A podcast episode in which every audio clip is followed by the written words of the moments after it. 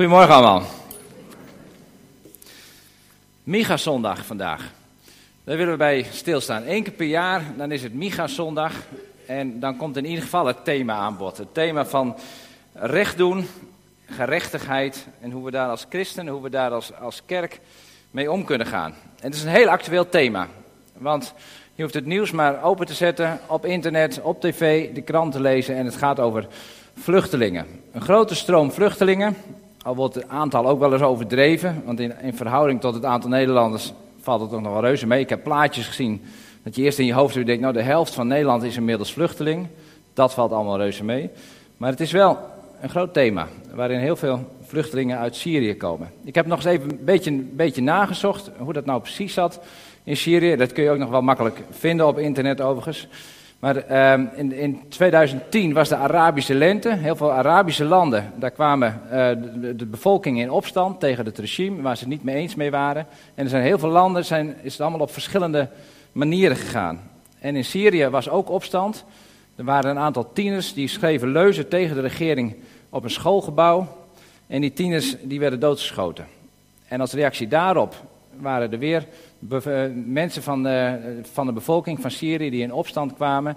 En zo kwamen er allerlei rebellerende groepen in Syrië die tegen Assad opstonden en zeiden, die regering die moet weg, want het moet anders. Net als in heel veel andere landen dat ook het geval was. En, en, en zo uh, is de regering weggegaan in Syrië, maar Assad die is gebleven. En die heeft weer een nieuwe regering opgetuigd, maar Assad die was zeker niet van plan weg te gaan. En zo is die burgeroorlog daar ontstaan met al die rebellerende groepen. En is Damascus uh, in, oorlog geraakt, in burgeroorlog geraakt. Een andere grote stad, Aleppo, wat we ook al horen. Ook daar zijn heel veel opstandelingen. En er is heel veel geschoten, heel veel bommen gegooid enzovoort. Nou, die rebellengroepen waren het niet met elkaar eens. En toen dacht IS, ISIS, die dacht, in die onrust, daar maken wij ook gebruik van. Dus je hebt IS die in Syrië uh, voet aan de grond probeert te krijgen, zijn eigen staat probeert op te richten. Die verschillende rebellengroepen, die langzamerhand wel wat meer gaan samenwerken. En Assad. En dan bemoeien wij ons vanuit Europa en Amerika bemoeien ons ook nog mee. Dus het is één grote warboel van, van, van oorlog voeren over en weer. Ik heb ook een filmpje gezien waarbij een van de, de mensen in Syrië zegt van... er worden bommen gegooid, maar ik weet niet meer wie mijn vijanden zijn. Wie hebben nou deze bommen gegooid? Geen wonder dat daardoor heel veel mensen uit Syrië zijn vertrokken. Heb wat aantallen opgeschreven. 220.000 mensen zijn inmiddels gedood in die oorlog. 220.000 mensen. En 4 miljoen mensen zijn op de vlucht. Er zijn ook nog heel veel daaromheen ontheemden in Syrië. Maar mensen die Syrië uitgevlucht zijn, zijn 4 miljoen mensen. En die worden in de regio, zoals we dat zo mooi noemen, worden daar uh, opgevangen. 2 miljoen mensen in Turkije, 1,2 miljoen mensen in Libanon en 400.000 in Jordanië. Uh, ik heb een, een, foto gezien van een kamp. Nou, het asielzoekerscentrum wat wij hier hebben in Drachten is een heel mooi. Het ziet er heel mooi uit, maar als je dat kamp ziet, dat 40.000 mensen in één kamp. Uh, onvoorstelbaar hoe mensen daar leven. Vervolgens krijgen ze ook nog minder eten, want uh, de, de, de hulp, het geld is op. En geen wonder dat mensen dan vervolgens langzamerhand richting Europa willen komen. Met andere woorden dacht ik, in 2010, 2011 hoorden we dat er oorlog was in Syrië. En dat vonden we allemaal heel erg. En daar zagen we beelden van. Maar dat was nog heel lekker ver weg. We, we, septen naar, een andere, naar goede tijden, slechte tijden. En we waren Syrië weer een beetje vergeten. En toen kwam het weer, weer voorbij in het journaal, maar het was heel ver weg. En nu komt het steeds dichterbij. Mensen komen Europa binnen, mensen gaan naar Duitsland en mensen komen naar Nederland. Mensen komen naar Dokkum, komen naar naar Leeuwarden zitten ze nu straks. Ik zag gisteren op de voorpagina van de Leeuwarden Krant dat, dat ze nu een tijd in Leeuwarden kunnen blijven. Maar Geert vertelde al, het AZC breidt zich hier uit in Drachten. Dus die Syriërs, de oorlog die eerst heel ver weg was, komt zo meteen bij ons op een stoep. Hier in Drachten komen deze mensen tegen. Er zijn inmiddels zo'n, de afgelopen twaalf maanden 6500 Syrische vluchtelingen in Nederland gekomen. En een heel aantal komen ook in Nederland. En dan is het Miga-zondag.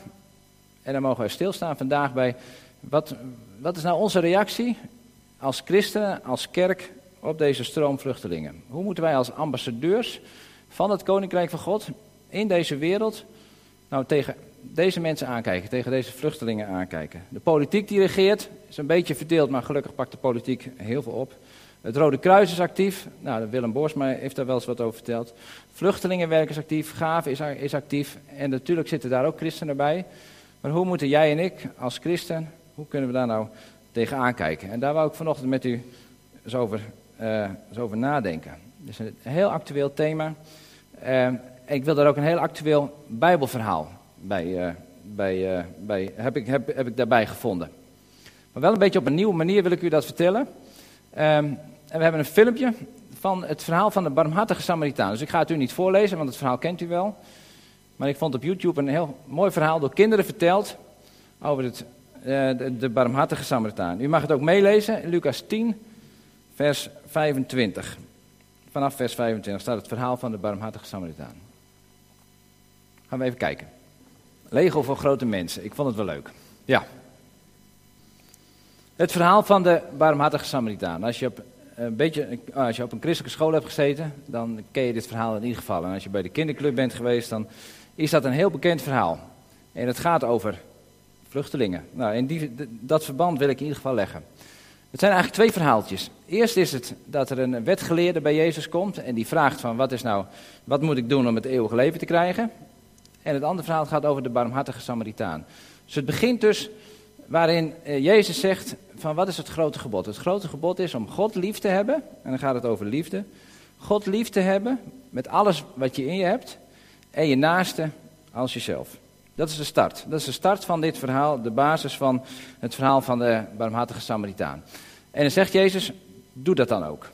En dat komt een paar keer terug. Komt twee keer terug wanneer Jezus zegt, doe het dan ook. Dus je moet het niet alleen over praten, maar je moet het uiteindelijk ook doen. En dan komt die fariseeër, die komt terug en die denkt, ik ga een slimme vraag stellen. Ik ga vragen waar nou die grens ligt van wie is mijn naaste. Want als ik weet wie mijn naaste is, dan weet ik ook wie mijn naaste niet is. En dan weet ik waar ongeveer de grens ligt van wat ik moet doen voor de medemens.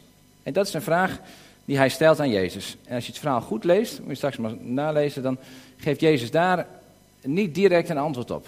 Want hij vindt die vraag misschien wel helemaal niet relevant. Hij draait hem om. En daar wil ik met u over nadenken.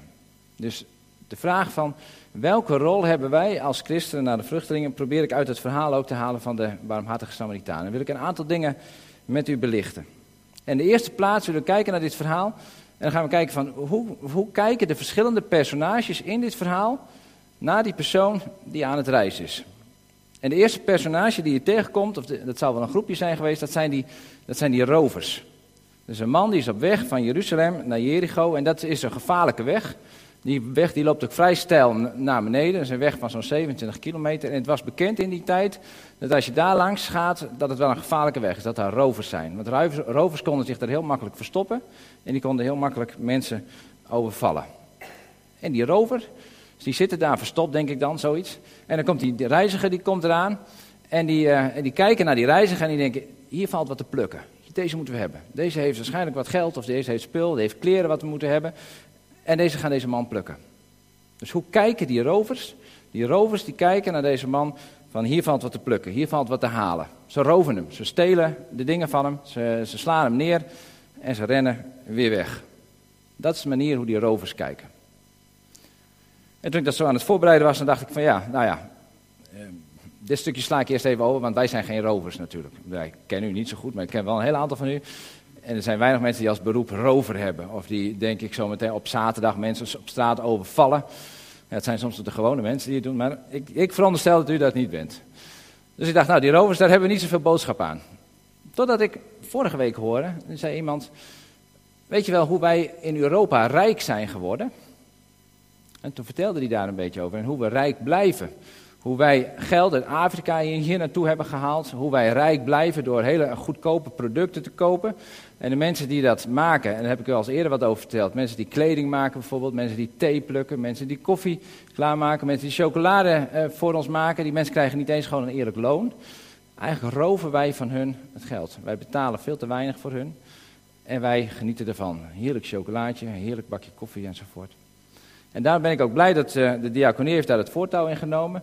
Om ook fair trade hier in deze gemeente koffie te schenken. En fair trade aan andere producten te hebben. Dus op die manier kunnen we ook uh, steeds minder rover zijn. En het is ook heel moeilijk om dat heel goed te doen. Maar het is goed om ons daarvan bewust te zijn. En die aanvraag van Fairtrade gemeente, van Fairtrade kerk, die ligt momenteel bij de gemeente Smallingenland. Die gaan ons straks keuren of wij ook genoeg producten en zo hebben. En dan zijn we ook ja, wat zegt dat ook, maar dat is ook wel leuk om dat signaal af te geven, zijn we ook een Fairtrade kerk. Omdat we eerlijke koffie willen schenken en daar ook eerlijk willen zijn. Dus waar ik eerst dacht van, nou, dat rover, dat geldt niet voor ons, dat geldt niet voor mij, blijk ik af en toe ook een rover te zijn. Dat ik van mensen pluk en van mensen dingen afpak uh, en ze niet een eerlijke vergoeding daarvoor geef. Dus ook daar kunnen we gelijk al iets leren van die rovers. Want hoe kijk ik naar die theeplukkers in Afrika? Hoe kijk ik naar mensen die de kleding van mij maken in Bangladesh? Hoe kijk ik naar mensen die de koffiebonen voor mij uh, klaarmaken? Wil ik daar echt een eerlijk loon voor geven? Of geef ik ze net iets te weinig, zodat ik lekker goedkoop heb? Hoe kijken wij naar mensen? Nou, bij die rovers, die proberen de mensen, die willen de mensen plukken. En dan komen die priester en die leviet. Ik doe ze in dit geval even samen, maar misschien is er een hele goede bijbelleraar die daar ook nog verschillende aspecten kan belichten. Ik doe ze even allebei. Die priester en die leviet die komen langs. En dat zijn hele geestelijke mensen. Die zijn in de tempel bezig geweest, die weten allemaal precies hoe het moet, die hebben er verstand van en die lopen daar. En ineens zien ze daar een lastig mens liggen op de grond. Oh, een een viezer iemand die vies is. Hè, zoals het in dat filmpje ook zo mooi uh, werd laten zien. En er ligt ineens daar iemand en wat moet ik daar nou mee? En die priester en die leviet die zijn blijkbaar heel goed in, in staat om hun werk en privé te scheiden. Dat wordt ons ook geleerd, dat zou ik misschien ook wat meer moeten doen om dat te gaan scheiden. Maar die priester en leviet die kunnen dat heel erg goed. Nou, misschien is het niet altijd slim om dat te doen. Uh, maar zij lopen daar en zeggen, nou ja, in de kerk doe ik die dingen, in de tempel doe ik die dingen. En als ik thuis ben, dan doe ik weer andere dingen. Die dingen die scheid ik van elkaar. Het is ook een hele kwaliteit om te kunnen schakelen, heb ik wel eens gehoord. Nou, die priester en die kunnen dat heel erg goed. En toen dacht ik, wat kunnen wij daar nou van leren? Ik zit hier ook in, elke, elke zondag in de dienst en ik hoor Gods woord, ik lees de Bijbel, ik zing hele mooie liederen. Maar hoe makkelijk kan ik schakelen als ik buiten dit gebouw ben, als ik mijn Bijbel weer dicht doe en op straat ben en andere mensen tegenkom die, nood, die in nood verkeren? Nou, ik heb vorige week ontdekt dat ik dat heel goed kan. We hadden vorige week zondag hier een hele mooie dienst. Toen kwamen we thuis en we gingen eten. En ineens hoorde ik een paar sirenes en die kwamen heel dichtbij. En dacht ik, oh, wat is hier aan de hand? Dus ik naar buiten, misschien kan ik nog wat doen of zo. Ook een beetje sensatie zoeken. En dan kwam uh, uh, de politie, die kwam eraan. En er kwam nog een sirene aan en er was een ambulance. Wat was er aan de hand? Dat was heel triest. Onze buurman die was van de ladder gevallen. Een paar huizen verderop was zijn buurman gevallen. Nou, daar gebeurden wat dingen. En toen uh, ging ik naar huis om, om dat even te vertellen. En toen hoorden we ook nog de traumahelikopter aankomen. Dus het was echt een heel spektakel bij ons in de straat tijdens het eten. En toen dacht ik, een traumahelikopter, bij ons achter in de tuin ongeveer. Daar wil ik een foto van maken. Dus ik mijn fotostel pakken en uh, ik daar naartoe. En hij landde niet bij ons in de tuin, die was net iets te klein, maar wel een stukje verderop landde die helikopter. En uh, nou, daarop wachten. En het was echt, de, de, buurt liep uit en iedereen kijken daar. Mensen kwamen langs, er kwamen zelfs mensen van Woordnet foto's maken. Enzovoort. En daar stonden wij. En ik, ik ook even naar de buurt. En toen kwam ik bij, bij Hilly Elsinga. Is Hilly er ook? Is er niet. Mooi. Nee, is niet erg. Het, dit is, dit is, uh, je zult het wel horen hoe het zit. Hilly die was er ook en ik daar even, die, die woont vlak bij ons. Het eerste wat Hilly zei was, Harry, je moet een bidstond houden. En ik met mijn fotostel in de hand. dacht ik, oh, wil je dat hier doen, bij de buren? Dus toen dacht ik, oh, toen voelde ik hem wel gelijk. Terwijl ik uh, uh, zeker weet dat bidden helpt. En ook zeker weet dat je moet bidden voor mensen om je heen. Toen dacht ik, nou, wij moeten dat niet hier doen. Dat leek me niet een goed idee met de buren om ons heen. Dus we hebben later wel voor hem gebeden. Maar het confronteerde mij wel heel erg met, uh, met hoe ik in elkaar zit. S'morgens bidden en zeker weten ook dat God helpt. En smiddags je fotostel pakken om een fotootje te maken van die mooie traumahelikopter. Terwijl je buurman uh, ziek is. En natuurlijk was ik begaan met die man. Maar ik vond het zo mooi dat Hilly zei, we moeten verbidden. Want dat helpt. Dus dat hebben we later gedaan. En gelukkig is die man twee dagen later thuisgekomen. Is niet helemaal uh, hij is niet helemaal hersteld, maar het was ook niet zo erg zoals we aanvankelijk gevreesd hadden. Ja, zo was ik net zo goed. Een leviet en een priester die buiten stond, die had kunnen bidden voor, uh, voor de, de, buurman. En blijkbaar kan ik ook heel makkelijk schakelen. Dan dacht ik, hoe makkelijk kunnen wij schakelen? En misschien is dat ook een vraag naar u toe. Misschien heeft u daar wel helemaal geen, geen last van. Maar dat we heel makkelijk uh, op zondag erkennen hoe groot en machtig God is. Dat hij grote dingen doet, dat zijn liefde groot is, dat hij geneest, dat er wonderen zijn. En dan komen we zondagmiddag thuis en dan gaan we maandag weer naar het werk. En hoe makkelijk vergeten we dat dan? Hoe makkelijk schakelen we dan weer en denken we, ja, het is financieel niet mogelijk, dat lukt allemaal niet. Of, uh, ja, die stomme collega, dat is toch niks, daar, uh, daar werk ik niet mee samen. Hoe makkelijk kunnen wij schakelen en weer terugschakelen op een andere manier? En dit verhaal van de barmhartige Samaritaan helpt ons om, hoe kijken wij naar de mensen om ons heen? Hoe, hoe, hoe, hoe, ja, hoe nemen we dat mee? Wat we leren in de dienst, nemen we dat mee op de maandag. En ik heb ontdekt dat we heel veel kansen krijgen om anders naar mensen te kijken. Dus hoe zien die priester en de leviet? Die lopen rond en die kijken. Heel een lastig geval, wat onhandig. Dat uh, komt niet uit, dat wil niet. Dus die gaat uiteindelijk met een grote boog eromheen. En dan komt die barmhartige Samaritaan. En dan komt die Samaritaan, die komt langs. En hoe kijkt hij? En in een van de, van de Bijbelvertalingen stond het heel treffend, en dat vond ik heel mooi. Die barmhartige Samaritaan, die komt langs. En die ziet niet, deze kan ik plukken. Er viel niks meer te plukken, maar dat dacht hij niet. Hij dacht ook niet zoals die priester en die leviet van... Dit komt er niet uit, wat een apart geval, uh, dat weet ik niet, wegwezen. Maar deze priester, nee, deze barmhartige Samaritaan, die ziet deze man als zijn naaste. En daar gaat het over in dit verhaal. Hij ziet het als zijn naaste, of als je het wil vertellen, hij ziet hem als zijn medemens.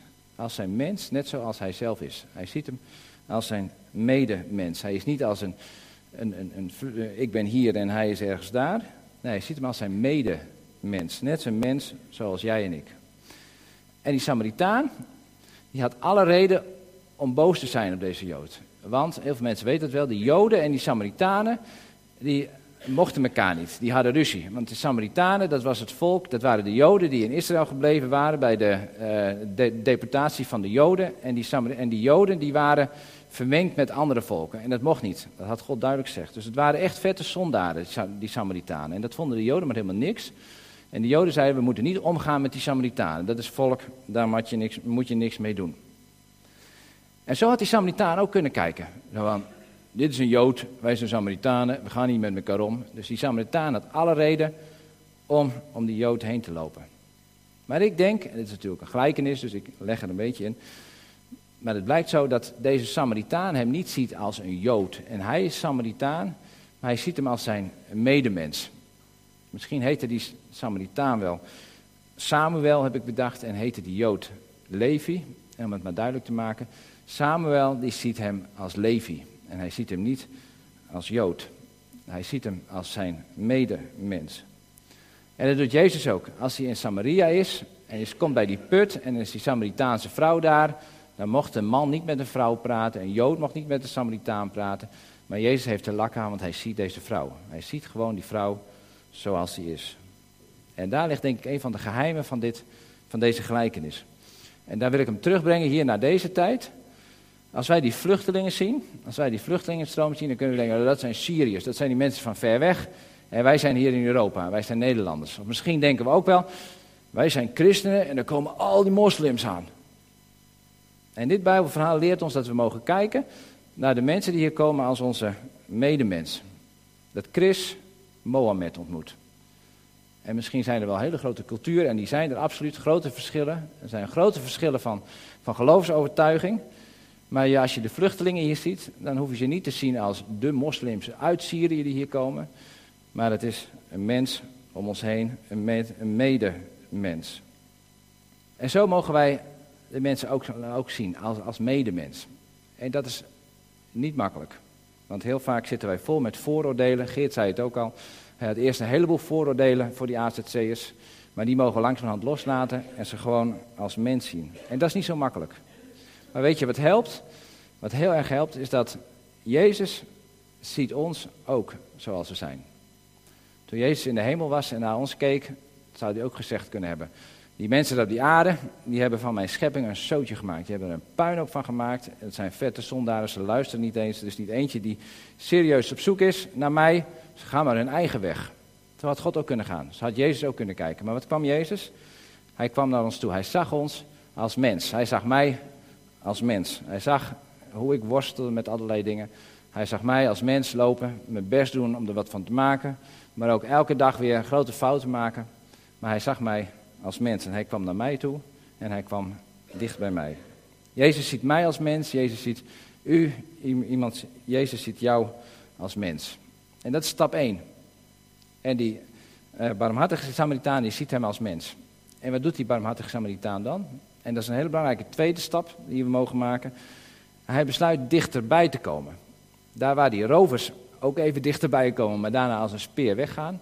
Daar waar die priester en die leviet wel kijken, maar een stapje terug doen en eromheen lopen. Daar is die barmhartige Samaritaan die kijkt, een mens ziet en dan besluit dichterbij te komen. En dat vind ik heel mooi in dit, in deze, in dit verhaal. Dichterbij komen. En dat is ook een opdracht aan ons. Want als je naar iemand dichterbij komt, dan wil je iemand leren kennen. En dan wil je weten wie hij is, dan wil je iemand ontmoeten. En dan kom je erachter dat het gewone mensen zijn zoals jij en ik. Als je het hebt over die vluchtelingen, dat zijn mensen zoals jij en ik. Er loopt een vader die, die, uh, die, die zijn gezin achter heeft gelaten om hier een plek te krijgen en dan te hopen dat hij weer kan herenigd worden met zijn gezin. Dat is een moeder met een kind die zorg draagt voor zijn kind, die de hele lange reis gemaakt heeft om de ellende achter zich te laten en een nieuwe toekomst te willen bouwen voor haar kinderen. Daar zitten studenten die uh, met een studie bezig zijn geweest, die gehoopt hadden een mooie baan te kunnen krijgen. En waardoor allerlei bommen, door de oorlog, door de ellende terecht zijn gekomen in een vluchtelingenkamp van 40.000 mensen. En daar geen heil meer hebben gezien en nu hun best doen, net zoals jij en ik, om iets van de toekomst te maken. Dat zijn mensen die je dan leert kennen, die ook gewoon van schoelen houden.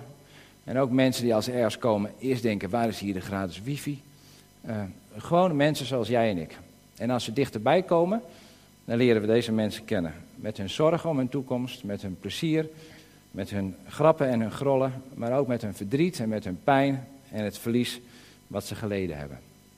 En dat vraagt van ons lef, dat vraagt van onze stap om dichter bij deze mensen te komen. En niet te, te redeneren in vluchtelingen, Europeanen, moslims en christenen, maar om dichterbij iemand te komen en iemand te leren kennen.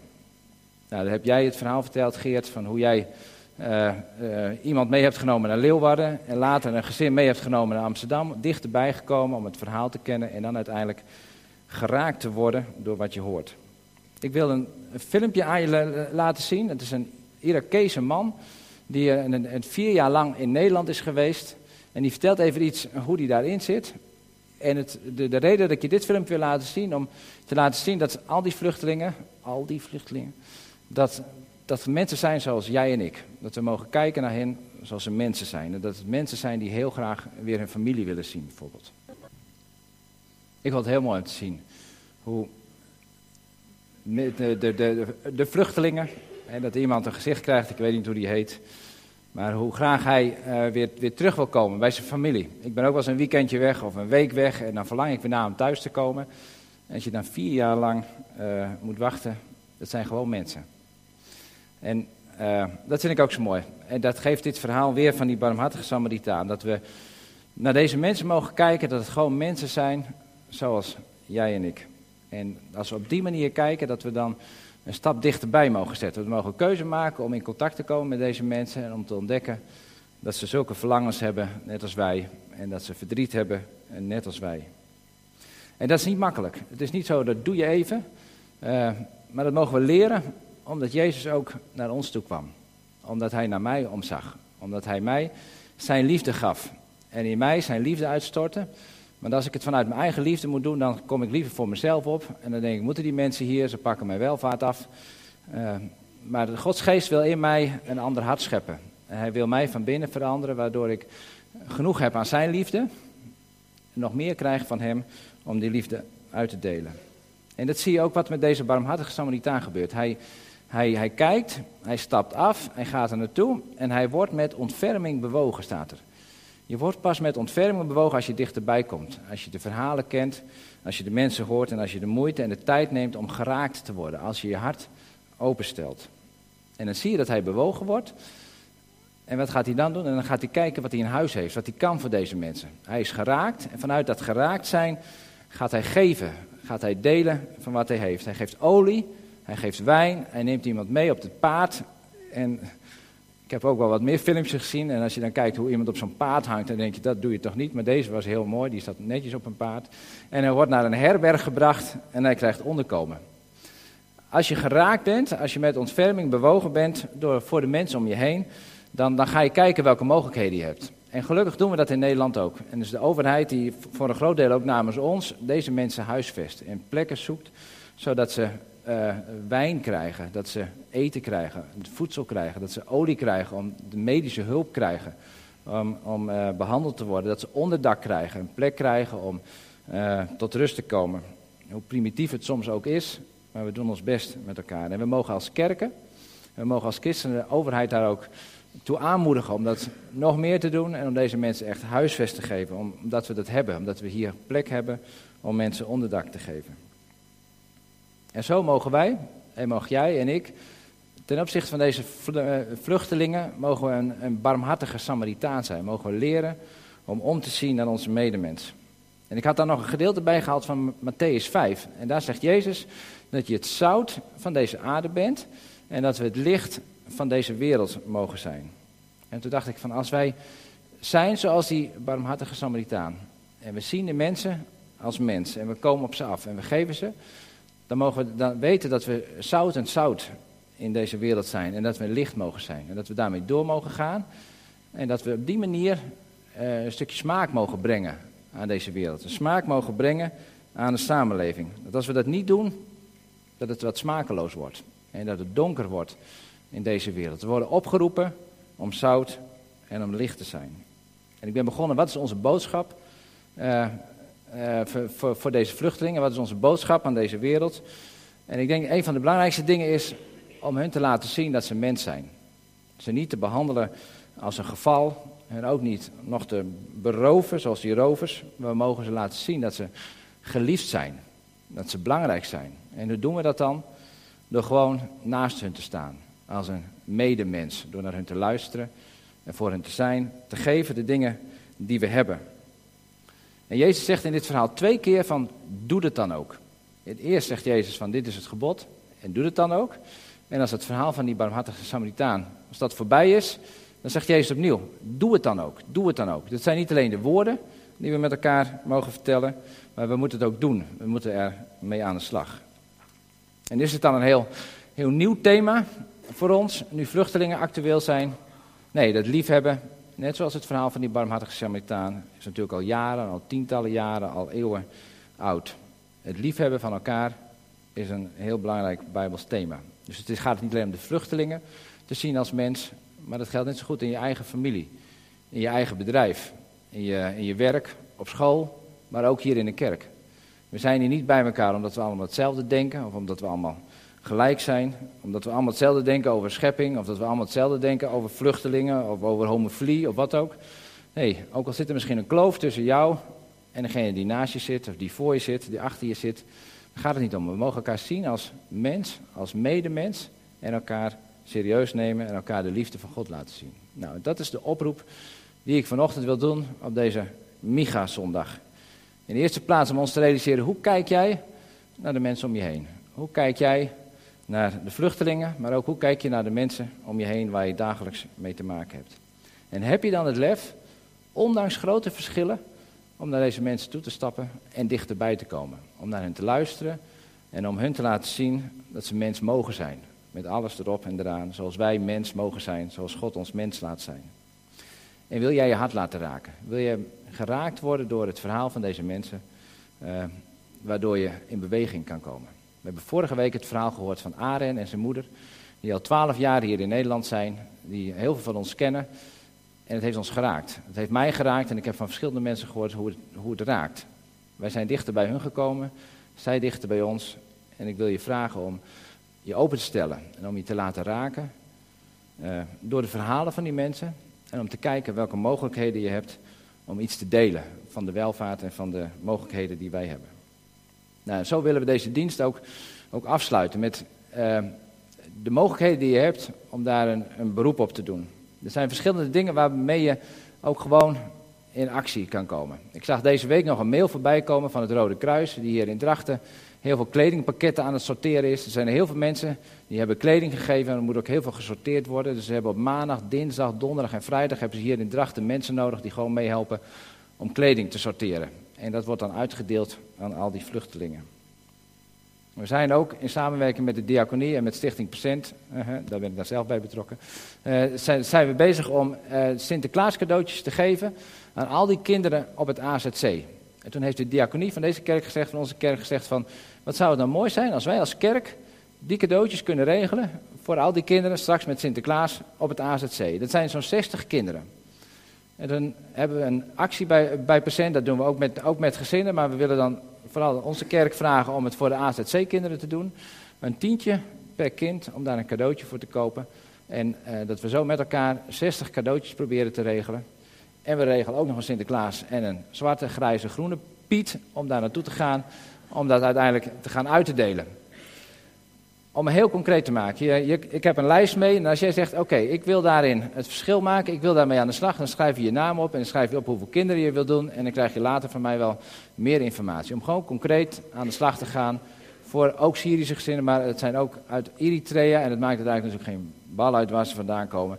We willen iets doen voor die kinderen. En je kan heel concreet zometeen ook gewoon geld geven. Voor het werk van Stichting Gaven. En wat Kobi doet in de, in de Hoeksteen, samen met uh, ook, ook de kerkleden van de gereformeerde kerk vrijgemaakt, die hun kerk openstellen voor vluchtelingen, om daar creatieve avonden te hebben, om uh, de dames uit te nodigen van het AZC, om samen met hun ontmoeting te hebben, iets te vertellen over de Bijbel, met hun dingen te delen. En daar is zometeen de collecte voor. En dan kun je ook gewoon geld gaan geven. En dan kunnen ze gewoon mooie programma's maken om iets voor die kinderen te doen. Dus volop mogelijkheden om uit te delen van wat je hebt, van wat jij in huis hebt, om dat te gaan doen. En dat wil ik je van harte aanbevelen om daar. Um, en misschien hebben mensen geen, geen klein geld mee. Je kan natuurlijk afgroten. Dus volop mogelijkheden om ook vandaag echt daadwerkelijk. Ik stel voor dat we met elkaar gaan bidden om zo af te sluiten. Vader in de hemel, willen bedanken, Heer, dat, dat u van ver weg heel dichtbij kwam. Dat uw zoon dicht bij ons kwam. En dat uh, we van Jezus mogen leren om dicht bij de mensen te staan. Niet om met vooroordelen te komen, maar om naast onze medemensen te staan. Ook al is die misschien nog zo anders dan wij, maar dat we daarna mogen luisteren. En mogen laten zien dat de liefde die u voor ons hebt, dat we die door mogen geven aan mensen om ons heen. Dank u wel, Heer, dat uw liefde groot is en dat we daaruit mogen putten. Als we zelf liefde tekort komen, als er ergernissen in ons zijn, als er angsten in ons zijn uh, van wat er allemaal gebeurt, Heer, wilt u ons leven vullen met uw liefde. Zodat we op wat voor manier ook dat kunnen uitdelen aan mensen om ons heen. Dank u wel dat u trouw bent en dat u betrokken bent bij ons leven. En dat we zo dit verhaal van de barmhartige Samaritaan mogen leren om anders naar mensen te kijken. Te kijken zoals u kijkt. En we bidden, Heer, dat u ons daarbij helpt. Heer, en zo wil ik ook bidden voor het werk van Stichting Gaven. Die uh, zoveel enthousiasme en zoveel toewijding steeds de asielzoekers opzoeken en uh, in contact met hen probeert te komen. Dat u het werk van hen zegenen. We bidden ook het werk van uh, de gaven hier in, hier in Drachten, waar Kobi heel actief bij is. Dat u dit, team zegenen, zodat ze ja, uw licht en uw liefde laten zien aan de mensen die daar komen. Dank u wel, dat u ons daarvoor wil gebruiken. Met onze beperkingen, met onze tekortkomingen. En dat u daardoorheen wilt werken. Daar dank u voor. In Jezus' naam. Amen.